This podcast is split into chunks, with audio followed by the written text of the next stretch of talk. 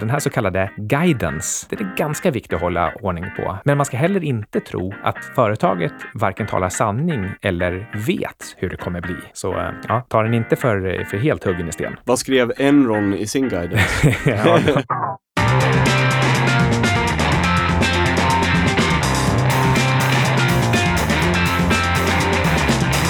Hej och välkommen till 25 minuter med Syding och Sundström. Idag så ska vi prata om olika praktiska knep för att göra en kassaflödesanalys och eh, jag kommer prata om vad jag går igenom och oftast går igenom när jag gör mina kassaflödesanalyser. I förra avsnittet, då pratade vi om vad kassaflödesanalys är och hur man gör den. Och i slutet så pratade vi om nyckeltal som visar tydligt hur rörelsekapitalbindning, alltså Networking capital, hur det påverkar kassaflödet. Vi gav exemplet i slutet på avsnittet på hur det kan till exempel manipuleras genom att Eh, betala leverantörer väldigt sent medan du samtidigt får in betalningar från kunder väldigt snabbt. Och eh, hur det här kan skiljas mellan olika branscher så att att du måste fatta att det här händer och lära dig förstå nyansen mellan olika branscher. Så att bara för ett företag har en kassaflödesanalys som är mycket bättre än en annan betyder inte nödvändigtvis att det företaget är per definition bättre för att det ligger i en annan bransch. Det kan vara så att standarden helt enkelt är annorlunda. Eh, ja. Och vi ska gå igenom nu med två stycken nyckeltal som förklarar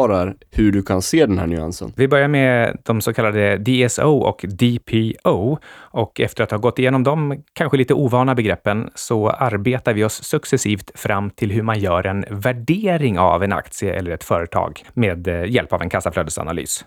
Okej, okay. DSO eller Days Sales Outstanding. Vad det här försöker mäta, det är hur lång tid tar det till dina kunder faktiskt betalar sina fakturor. Så alltså antalet dagar från själva försäljningen till att pengarna är inne på ditt konto. Och då, då ser man ju kopplingen här mellan resultat och kassaflöde och att det är DSO som ligger där emellan som förklaringsfaktor. Ja, och då kan ett väldigt bra exempel vara filmbranschen eller fastighetsbranschen där de ofta ligger ute med jättemycket långsiktiga kostnader och betalningar. Ja, man kan föreställa sig olika ställen där om ett företag säljer en svarv till ett annat företag, då finns det ganska standardiserade sätt. Ofta så handlar det om att man betalar på 90 dagar och eh, säljaren ger möjlighet att vänta i 90 dagar och eh, köparen väntar till absolut sista dagen, för man lägger in det här i ett, eh, ett fakturabetalningssystem. Så eh, i princip så brukar det sluta med att det hamnar på 91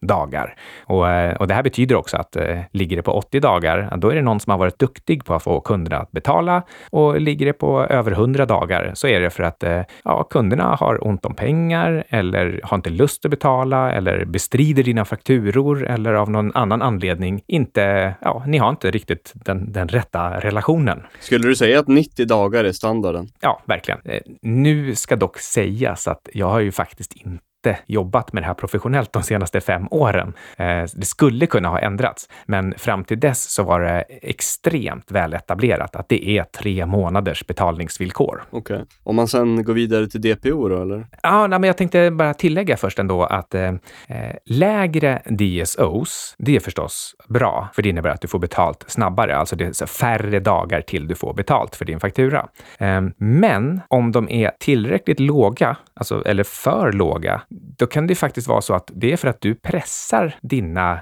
kunder för hårt och till slut så tröttnar de och drar. Så eh, man, man, ska ändå liksom hålla utkik efter, alltså dels är det trenden i de här som är absolut viktigast. Trendar de uppåt? Dåligt. Trendar de neråt? Bra. Men om det är jättestora plötsliga förändringar, ja, då måste man verkligen kolla upp varför och är det, är det bra eller dåligt? För det är inte självklart. Ja, jag fattar. Det är liksom som eh, lite av higher order thinking, tänka ett extra steg så här. Okej, okay, det har hänt en stor förändring och det ser bra ut, men kanske är det dåligt på sikt för att de eh, gör det på bekostnad av kunder eller liknande. Precis. Det kan ju också vara ett tecken på att eh, företaget som du tittar på, att eh, de har andra problem och därför så gör de eh, precis allt de kan, bra eller dåligt, för att eh, pressa både kunder och leverantörer. Och det, och det för oss in på DPOs, alltså eh, Days Payables Outstanding.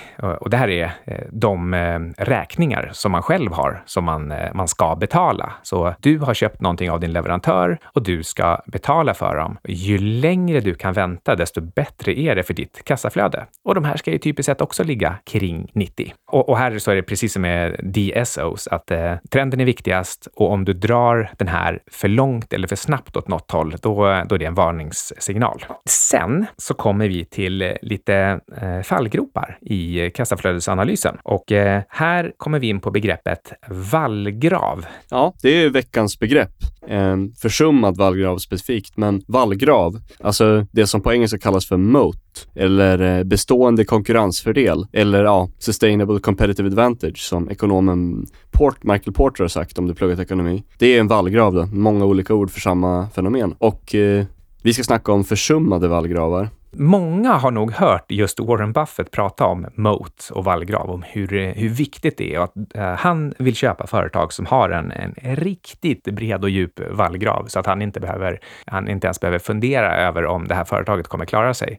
Ehm, men, eh, men eh, de flesta har nog ändå inte riktigt tänkt efter vad, en, vad en vallgrav består av och, och när man, man kanske successivt råkar göra den sämre eller mindre. Om man försummar investeringar i sin produkt. Säg att Coca-Cola slutar göra reklam. Ja, dag ett så kommer antagligen precis lika många dricka Coca-Cola. Nästan.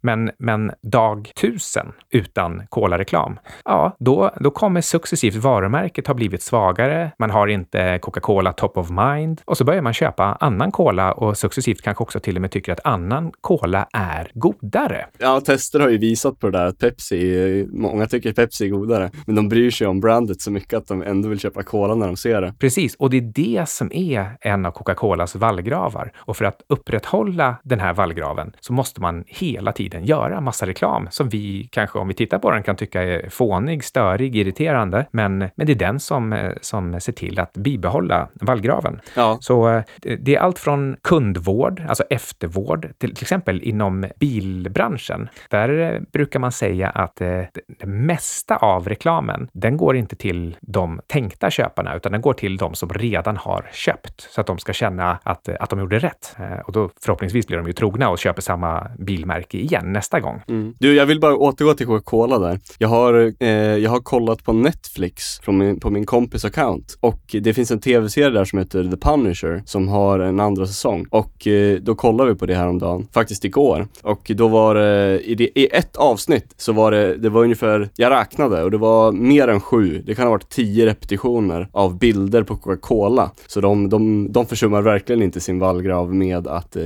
göra reklam.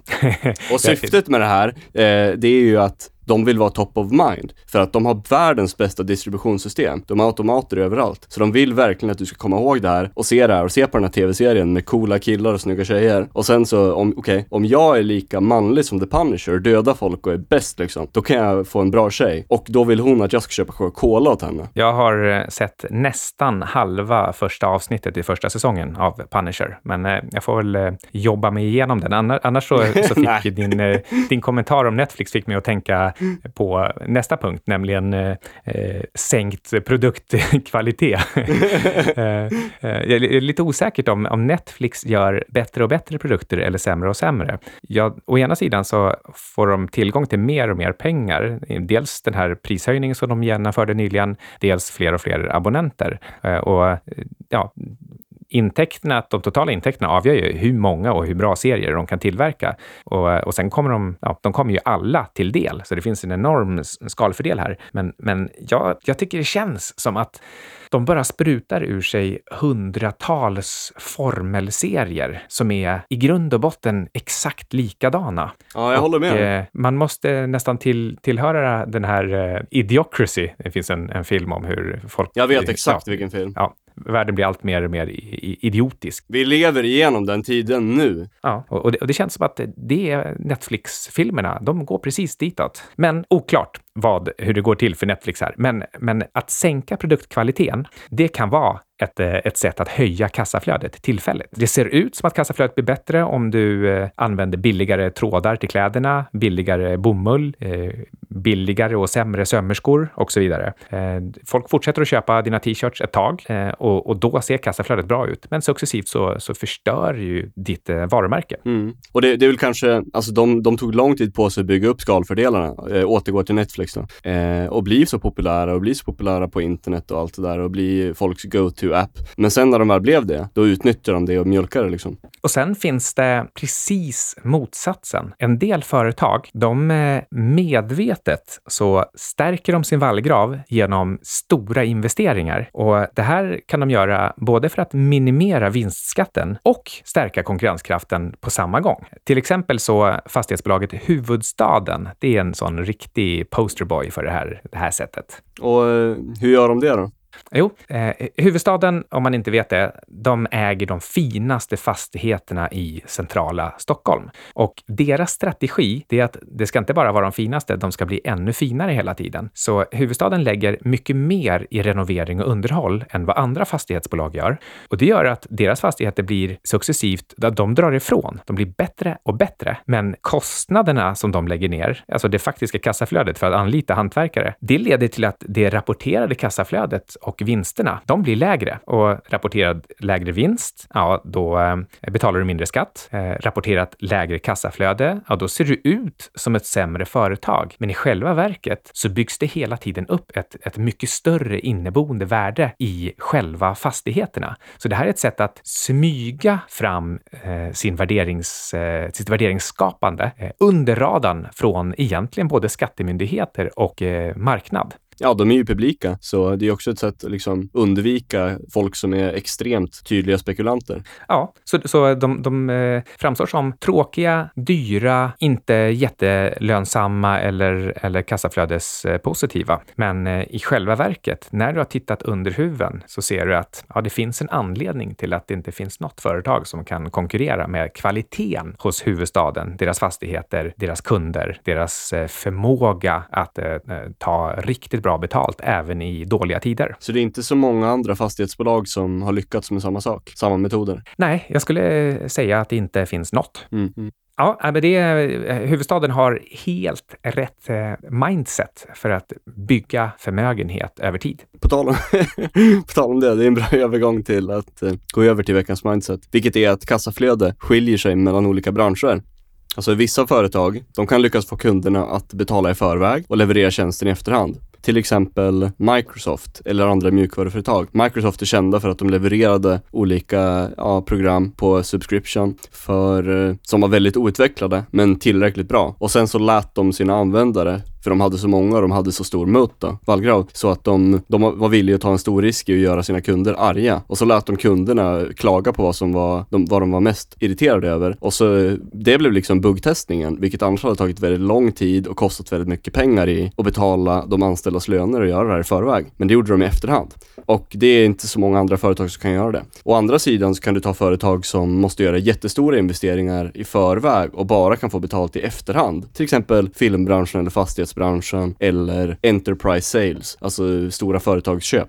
Så de ligger ute med stora belopp. Men eh, sen gör de förhoppningsvis en ännu större, jättestor vinst långt senare. Ja, man kan faktiskt till och med gå så långt som att säga att eh, när man har att göra med de här företagen som måste ligga ute länge och som har, egentligen har en dålig kassaflödeskonvertering, det i sig kan vara en vallgrav. För det är inte så många som kan göra det. Det är inte så många som har, har råd eller möjlighet att finansiera det där tidsglappet mellan eh, skapandet och eh, kassaflödet. Så eh, det kan faktiskt vara så att det är de företagen som är de bästa eller de som har den mest uthålliga konkurrensfördelen. Mm. Jag tycker man, så här, man kan ta det där ett steg längre också på någonting som är ganska intressant. Eh, så här, okej, okay, om du har olika projekt som, som kräver extremt mycket kapital för att genomföra, så inte vem som helst kan göra det, utan du måste ha jättemånga miljoner för att ens get in the game så att säga. Och eh, då har ju, det skapar någon slags eh, extra premium på brand eller tillit till så här superentreprenörer som har lyckats med osannolika projekt flera gånger i rad, så att alla tänker att de är osårbara. Vi har snackat om det här i Future Skills med det här Olas begrepp med vinna eller försvinna entreprenören som lyckas flera gånger i rad. Och det är såklart att det är skicklighet, men det finns också folk som har bara lyckats på grund av tur flera gånger i rad. Och om du gissar fel, då förlorar du allting, men om du gissar rätt så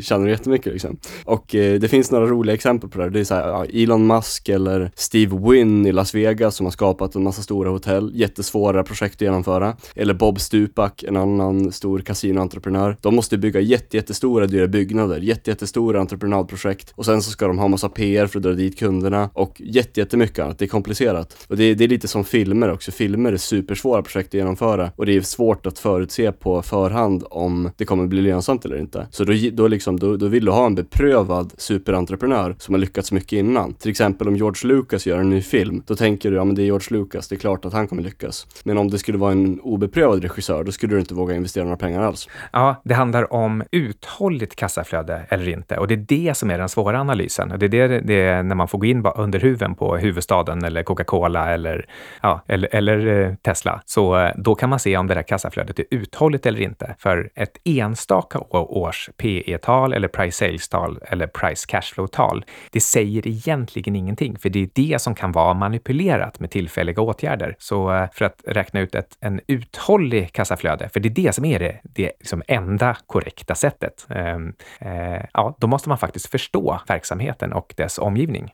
All right, vi går till eh, liksom lite mer praktiska värderingshänseenden. Och i förra avsnittet så pratade vi lite grann om hur man gör prognoser för försäljning, marginal och eh, kassaflöde. Så det finns väl liksom ingen riktig anledning att gå igenom det i detalj igen. Men i allra största korthet, så ta fram officiella siffror på det här från officiella databaser. Antingen direkt från års och kvartalsredovisningar eller från eh, myndighetssidor. Och sen eh, är det bara att eh, extrapolera mer eller mindre sofistikerat och lita inte på siffrorna mer än, eh, än hur sofistikerad du är när du gör prognoserna. Och eh, ja, till exempel när det gäller eh, eh marginal och eh, vinster så eh, ja, du, du får inte glömma att ta hänsyn till till exempel valutarörelser eller omstruktureringar eller om det kommer in en ny vd som kanske gör, genomför förändringar. Ehm, I kassaflödet, ja, där får man ofta en officiell målsättning från företaget, hur de tänker hantera olika saker. Dels vilka investeringar de tänker göra och, eh, och dels eh, vilken tillväxt och eh, vinst de tror att de kan göra. Så den här så kallade guidance, den, den är ganska viktig att hålla ordning på. Men, men man ska heller inte tro att företaget varken talar sanning eller vet hur det kommer bli. Så ja, ta den inte för, för helt huggen i sten. Vad skrev Enron i sin guidance? ja, de, det var antagligen att de skulle göra mycket, mycket högre vinst nästa år. Vi kommer fortsätta vår enorma tillväxt, någonting sånt kan jag tänka mig. Va, vad skrev Ivar Kryger i sin guidance? Ja, säkert samma sak där. Vi är på väg att dominera världen som den största tändstickstillverkaren och eh, statsfinansiären genom tiderna. Så såg det ut också. Eh, ja, ja, och så blir det istället den eh, kanske största konkursen genom tiderna. Ja, eh, märkligt, märkligt hur det kan bli. Mm. Alright, eh, ett knep för att göra prognoser så bra som möjligt, det är att du slår vad med en, eh, en bra kompis eller en bra analytiker om vad siffran ska bli. Och så bollar ni det där fram och tillbaka mellan er till, till ni liksom hittar punkten där ni, där ni faktiskt eh, ja, men är överens eller, eller är redo för själva vadslagningen om vad marginalen eller tillväxten blir. Mm. Det är det som är veckans tips. Och tänka dig att du slår vad med någon annan vad det kan bli. Och det bästa är såklart att göra det på riktigt. Gärna med någon som har en annorlunda hjärna än du har, så att den kommer naturligt tänka annorlunda för att den har någon annan åsikt på det. Man kan gärna vara flera också. Det är egentligen det, det som är marknader. Eh, det är eh, hundratusentals människor som slår vad med varandra om en aktie ska gå upp eller ner. Det är det som är en marknad. Om man, och man satsar sina pengar på det också genom att köpa eller sälja aktier. Okej, okay, ett knep till för att eh, hålla ordning på prognoserna, det är att inte bara göra en punktprognos för till exempel försäljning, marginal och kassaflöde kassaflöde, utan eh, tänk i termer av intervaller. Så gör ett, eh, en minimiprognos och en maximiprognos och då gör du det för en rad i taget. Först för försäljning och sen kanske för kostnader eller marginaler och då, då faller marginaler och vinst ut med eh, ännu större intervall.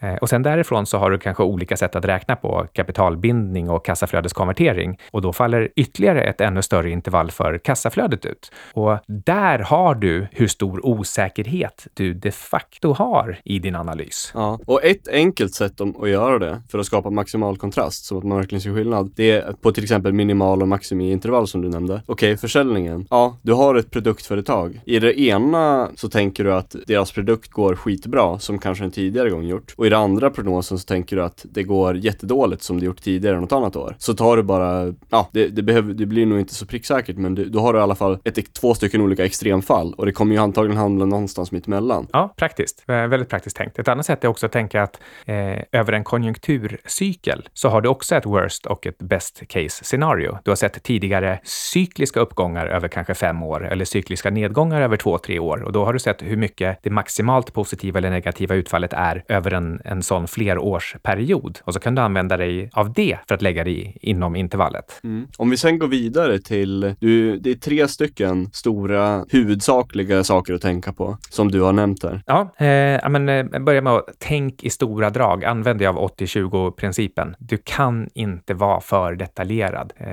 samma sak gäller ju också att när du, när du kommer fram till de här intervallen i prognoser, så stor osäkerhet som du har där, så stor säkerhetsmarginal vill du nog också ha i priset du betalar. Förra avsnittet, då snackade vi om diskonteringsränta och det är ju kruxet i att räkna ut vad nuvärdet är. Och det är inte så lätt om man eh, inte har varit med ett tag liksom. Det är inte så lätt om man inte har en tydlig alternativkostnad eller någonting som man verkligen är säker på att man kan sätta som benchmark där. Och säkerhetsmarginal är ju lite liknande. Det är ganska nyanserat, olika från person till person. Och det är till, till exempel om du vill tänka vidare, liksom så okej, okay, individuell risktolerans. Folk har ju olika riskbenägenheter. Vissa är helt enkelt villiga att ta mer risk än andra. Och eh, det, det är ju genetiskt. Sen om du tänker så här bransch, branschspecifik. Ja, eh, vi snackar ju om att det fanns olika företag inom, ja, som har olika kassaflöden sådär. Och det inte behöver sätt. Men om man tänker på det liksom så här branschspecifik. Vad använder andra som är riktigt duktiga investerare inom just det här området för margin of safety? Antagligen berättar de inte det, men om man skulle kunna veta det så skulle det vara bra att veta. Sen eh, som vi har sagt eh, tidigare någon gång, man ska inte kopiera de allra, allra bästa heller, för de har andra problem och begränsningar än vad vi vanliga dödliga har. Men om vi tittar till just Warren Buffett så har han sagt att han eh, använder den riskfria räntan som, alltså han, han, han han har ingen extra diskonteringsränta. För att han menar att jag investerar i företag som har så tydlig vallgrav och som är så säkra att de kommer finnas kvar att eh, jag tänker inte ha någon riskjustering, utan det han jämför med är huruvida han ska köpa obligationer som alternativ eller inte det, det, det, är en väldigt speciell ansats och det är klart att då, då ser ju allting billigt ut. Ja, okej. Okay. Om, om, vi sedan tänker den tredje punkten, vilket är att uh, vara medveten om osäkerheten. Det har vi egentligen nämnt och det är det här med att tänka intervall, inte specifika, inte specifika punkter. Mm, och jag vill bara eh, upprepa att storleken på intervallet i procent, det skulle du kunna använda som storlek i intervall på din eh, säkerhetsmarginal. Så om, om du har en osäkerhetsfaktor på 25 procent i spread i resultat eller kassaflöde om ett år eller två, då, då vill du ha minst 25 procents uppsida i värderingen också. Annars, eh, ja, annars är det inte så, så stor anledning. Då, då, ja, eh, då vet du inte om du kommer tjäna några pengar eller inte, för du har egentligen bara gissat. Mm, jag förstår. Om vi sen går vidare till veckans bok, då är det Valuation av Tom Copeland, den kända McKinsey-boken, som är en tydlig och pedagogisk men också rätt teoretisk bok om värderingsmått. Och det är också kanske den mest eh, använda boken bland eh, till exempel ekonomihögskolor för att kolla på sådana här saker. Ja, eh, jag läste faktiskt en annan värderingsbok på Handels, men man började använda Copelands Valuation ett tag efter att jag hade slutat och jag, och jag har köpt Valuation, så jag, jag har den här. Ehm, den tillsammans med, ja, det finns eh, Principles of Corporate Finance och eh, Macroeconomics. Det, det, är liksom några sådana här standardverk som man, som man använder sig av. Men, eh, men eh, det här är inte roliga böcker. De kanske är pedagogiska och de är teoretiskt korrekta, men det där är någonting som man läser på skolan under ledning av, av en lärare. inte någonting som man köper hem för skojs skull. Mm. Om vi försöker knyta ihop säcken med värdering här, så eh, tycker jag att eh, price cashflow-multipeln, precis som att diskonterade kassaflöden är det enda te teoretiskt korrekta, så gillar jag också price cashflow-multipeln, givet att man kan säga att den är representativ. Så den måste vara någon typ av framtida genomsnitt eller eh, taget ett år då eh, allting har normaliserat sig. Ett enstaka års vinst eller ett enstaka års kassaflöde, det kan verkligen vara manipulerat på alla möjliga olika sätt eller påverkat av eh, enskilda, enskilda händelser som inte alls är representativa. Men, men, men eh, vad price cash flow-multipeln åtminstone ger, det är ett, ett riktigt mått på hur mycket pengar det här företaget lyckas få in på kontot. Och det säger någonting om överlevnadskraften, det säger någonting om deras eh, möjligheter att investera. Eh, och om du vill så kan du vända upp och ner på det, så får du en så kallad cash flow yield. Alltså du tar kassaflödet genom eh, företagets värde. Då får du en slags räntesats som du kan jämföra med andra alternativ du har. Mm. Då kan du, ja, det här låter lite flummigt, men, men man får gå på lite magkänsla och fundera över, okej, okay, jag har ett verkstadsföretag här. Det är SKF. De har en cashflow yield på, låt oss säga, 7% Hur känns de 7 procenten jämfört med att helt säkert få 1% på ett bankkonto eller få på pappret 9% i något eh, forskningsföretag som man faktiskt inte vet hur det går med. Eh, eller samma 7% i en stabil bank som Nordea. Hur, hur känns det? Det så här känns det för mig, att det är nästan omöjligt med sådana här medicinsk forskningsföretag och liknande om man inte är en läkare eller en expert i den branschen. Ja, det är precis så jag säger. Det, det finns nästan inga diskonteringsräntor i den branschen som jag skulle acceptera. Det är, antingen tror man att det går och då, då satsar man, eh, eller så tror man inte på det. det, det ja, eh, du kan inte riktigt räkna på det, för ingen vet hur de kommer klara sina kliniska studier och, och eh, om de får tillstånd från, från myndigheter eller inte. Ehm, det, det finns alldeles för många läkemedelsutvecklare, alldeles för många cancerföretag och det är särskilt i den här delen av konjunkturen som de ploppar upp för att det är så lätt att få in pengar. Och de allra flesta kommer inte komma någon vart alls. Och då, eh, ja, här, här funkar inte riktigt den här modellen. Eh, kassaflödesvärdering, den ska göras på företag som är mer eller mindre stabila och överlevnadskraftiga och har funnits tillräckligt länge för att eh, ja, men bevisa sin, eh, sin uthållighet. Ska vi sammanfatta avsnittet kanske? Ja, men det tycker jag. Det är långt nog och komplicerat eh, nog, de här, de här frågorna, för att eh, ta det på radio. Men eh, ja, jag gillar price cash flow. Det är något jag är bekväm med, men det behöver inte alla vara. Det, det finns många hänsyn att ta här och eh, en viktig sak att ta i beaktande, det är att på kort sikt, och kort sikt, det är ganska länge, det kan vara flera år, då är det andras förväntningar, andras diskonteringsräntor och eh, beteende. Det är oftast viktigare än prognoser som du skapar eller dina individuella val av eh, avkastningskrav. Mm. Och det är veckans citat, att det ser ofta billigt ut hela vägen ner, men dyrt ut hela vägen upp. Så eh, man ska inte bli lurad av siffrorna man sätter i ett eh, Excel-ark bara för att man gjort det så att det blir commitment. Liksom. Det behöver inte hända. Ja, precis, det där är ju bara sannolika scenarier och intervall. Men eh, det, är, det är förrädiskt när man sitter med en sak som, eh, som Excel eller, eller Google Sheets. För när siffrorna sitter där i, i cellen och du har petat lite grann på dem upp och ner, då, då till slut så börjar du, du börjar tro på dem för att de står på svart och vitt framför dina ögon. Mm, det, där, alltså det, där är ju, det där är ju psykologiskt bevisat att så funkar det i hjärnan med commitment. Men å andra sidan så tycker jag att många personer, de flesta, inklusive mig själv, gör inte de här beräkningarna noggrant. Och eh, då finns det ju såklart ett stort mervärde i att faktiskt sätta sig ner och göra det. Och även om det inte blir rätt så har man, det har fått en att tänka till. För att annars skulle man inte tänka till om allt det där och man, man kommer på nya tankar i takt med att man gör det. Eller märker saker som är luriga och skumma och så vidare. Eh, som man inte hade märkt annars. Så det, det, det är som ett dubbel, dubbeleggat svärd liksom. De som är proffs och analytiker, för de, de måste verkligen tänka på det. Men de som inte är det, då är jag tror det är bättre att göra det. En sak som jag ofta upplever som riktigt frustrerande, det är om jag försöker diskutera ett aktiecase med någon annan. Någon som inte är van vid att använda eh, modeller i datorn. Då, då slänger de ur sig massa saker. Det är,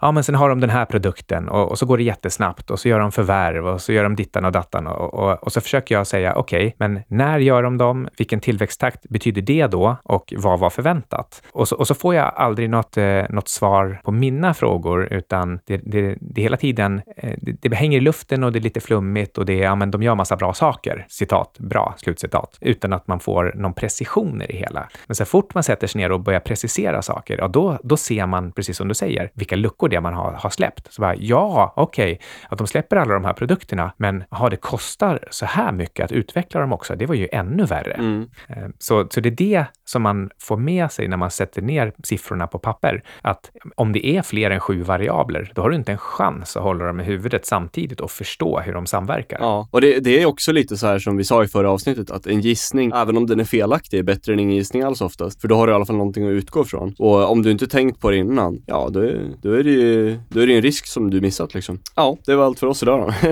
Ja, men det här är knepig materia. Titta även eh, på vårt eh, finansbrev. Mm, det kommer skickas minst en gång i veckan och eh, ta upp de här grejerna i bitvisa storlekar istället för att vi bara sitter och snackar och eh, det, det blir mer praktiskt och enkelt i text tror jag. Tack för att du har lyssnat på 25 minuter med Syding och Sundström. Det här klipps som vanligt av Alexander Marton.